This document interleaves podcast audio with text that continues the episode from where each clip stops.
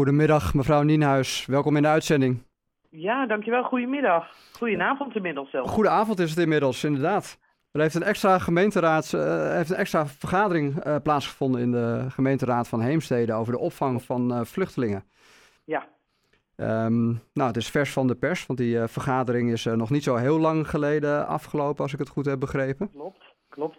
Um, ja, wat ehm, kunt u uitleggen wat het, welk plan de gemeente Heemstede heeft wat betreft het opvangen van vluchtelingen?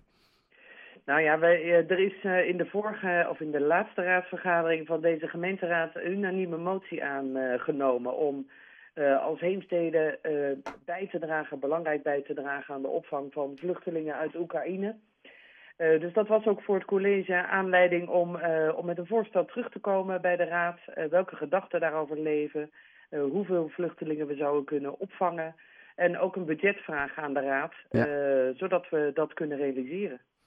En wat is er besproken tijdens de vergadering en wat is het resultaat? Nou, het resultaat is dat er een, een reserve wordt ingesteld voor kosten natuurlijk waar de gemeente mee geconfronteerd gaat worden. Ja. vooruitlopend op een eventuele vergoeding van, van het Rijk.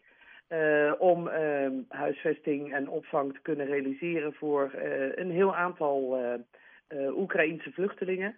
Daarbij denken we bijvoorbeeld aan noodwoningen, ook aan bestaande locaties waar Oekraïners zouden kunnen worden um, gehuisvest. En wellicht ook zelfs een boot. En in de komende tijd gaan we daar natuurlijk verder naar kijken of er eventueel zelfs nog aanvullende mogelijkheden zijn. En hoeveel plekken zullen er gecreëerd worden? Is dat al bekendgemaakt? Nou, vanuit de eerste oproep vanuit het kabinet is natuurlijk te zorgen dat je als regio uh, 2000 uh, ja, plekken realiseert. Dat is voor de hele veiligheidsregio's dat, hè? Ja. Voor de hele, ja, voor de, de negen gemeenten uit Kennemerland. Uh, en dat betekent dat dat in ieder geval een aandeel van 100 is uh, voor, uh, voor heemsteden. Maar dat is natuurlijk een eerste appel. Hè. We, gaan, we weten niet hoeveel vluchtelingen er komen. Nee. maar we houden er wel rekening mee dat dat, dat, dat, dat er meer zouden kunnen zijn. En de locaties, nog niet alles is in kannen en kruiken, maar uh, uh, kunt u voorbeelden geven van uh, locaties waar de vluchtelingen gehuisvest kunnen worden in Heemstede?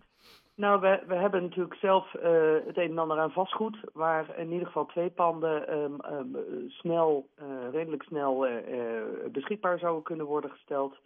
we zijn bezig met noodwoningen, maar we moeten wel natuurlijk kijken wat de meest voor de hand liggende locaties zijn. Ja. Dat... Uh, dus dat is nog een uitzoekwerk. Maar ondertussen kunnen we wel, wel aan de slag. En, ja, het mooie van de beraadslaging van, van vanmiddag was ook dat er door de raadsleden brede steun is uitgesproken daarvoor.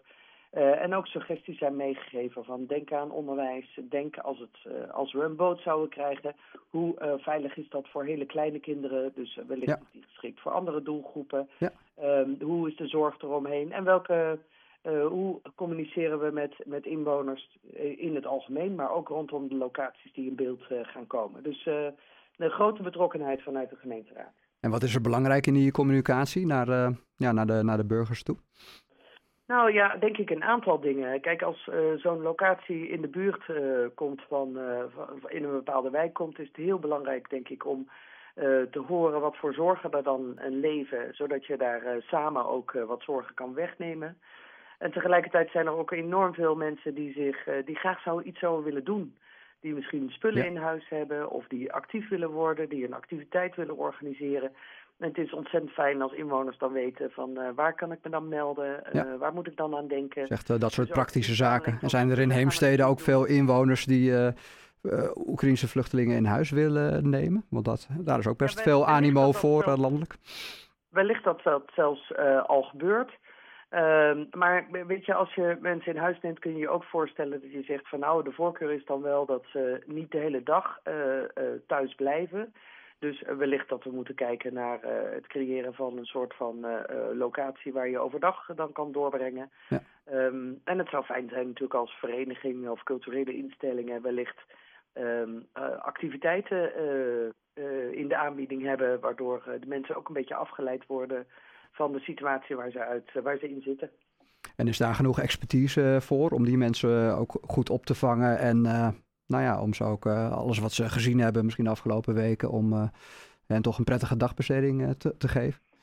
Nou ja, dat is natuurlijk fijn dat je uh, in regionaal verband ook uh, werkt. Want er zijn natuurlijk organisaties zoals Vluchtelingenwerk, zoals het Rode Kruis, die daar veel meer ervaring in, uh, in hebben. Ja.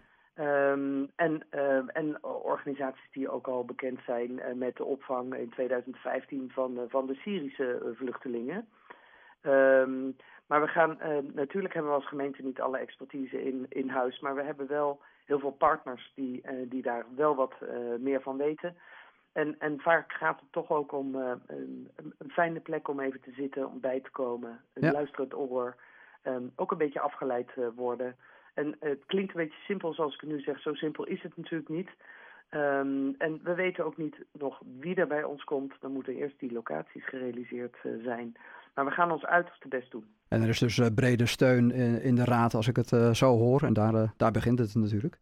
Ja, klopt, klopt. En dan nog over de locaties, mevrouw Nienhuis. Twee vaste locaties noemt u. Zijn, zijn die al definitief? Ja, er is er, nou, er is er eentje die dat gewoon een, een pand van de gemeente zelf is, waar ook qua ruimtelijke ordening zeg maar toegestaan is om daar mensen te laten te onder, onder te brengen. Ja. Dus die zou wellicht op korte termijn gerealiseerd kunnen worden. De andere locatie van de gemeente, daar moet een ruimtelijke ordeningsprocedure voor worden gevoerd. Dus dat duurt wellicht nog even. Uh, maar we proberen natuurlijk, want iedereen ziet de beelden van sporthallen alweer verschijnen. Ja. Dat is natuurlijk toch eigenlijk een onwenselijke situatie. Dus wij proberen meteen locaties in te richten die ook langdurig beschikbaar zijn voor de vluchtelingen. Helder. In Haarlem kwam ook een nieuwsbericht naar buiten dat, dat men bezig is met een sportzaal gereed maken. Wat, wat, ja, wat voor nadeel heeft, hebben dat soort locaties? Nou ja, het nadeel laat zich al raden als je die foto's ziet met een hele hal vol met bedden. Uh, de privacy daar voor de mensen is natuurlijk uh, redelijk gering. Mm -hmm. um, en, maar dat zijn natuurlijk ook locaties waarvan het de bedoeling is dat dat heel kortdurend is. Zodat mensen vanuit daar door kunnen stromen naar bijvoorbeeld locaties die wij in Heemstede aan het, uh, aan het realiseren zijn. Ja. En dat geldt voor, voor alle gemeenten in heel Nederland dat we daar naartoe moeten. Maar ja, ze zullen zich, we, we kunnen niet sturen op met hoeveel getallen ze zich aanmelden. Nee. Dus het zal ook wellicht tijdelijk nodig zijn om mensen in dit soort situaties op te vangen. Maar het mooiste zou zijn als mensen natuurlijk meteen door kunnen stromen naar een locatie waar ze met meer privacy, met hun eigen gezin, ja. wat langdurig kunnen blijven zitten. Dus wellicht eerst bed, bad en brood en dan na zekere, zekere tijd naar een uh, permanentere uh, locatie met meer uh, privacy, als ik het zo hoor. Nou ja, dit is, kijk, zo'n sporthal als crisisnoodopvang, ja. die periode wil je, wil je echt heel kortdurend houden.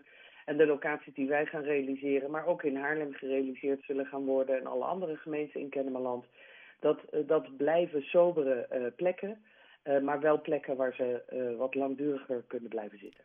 Ja, en dat zal per locatie verschillen. Maar hoe, als uh, ruimtelijke ordening daar geweest is, hè, op zo'n locatie die u, uh, u ook noemt, hoe lang duurt het vervolgens voor zo'n uh, plek gereed is? Ja, dat hangt een beetje af naar wat, wat voor soort procedure. In het pand waar ik het net over had, dat is een procedure waar, ehm, waar het college zelf over gaat. dat is dus een iets snellere procedure dan als de raad daar ook een besluit over moet nemen. Ja.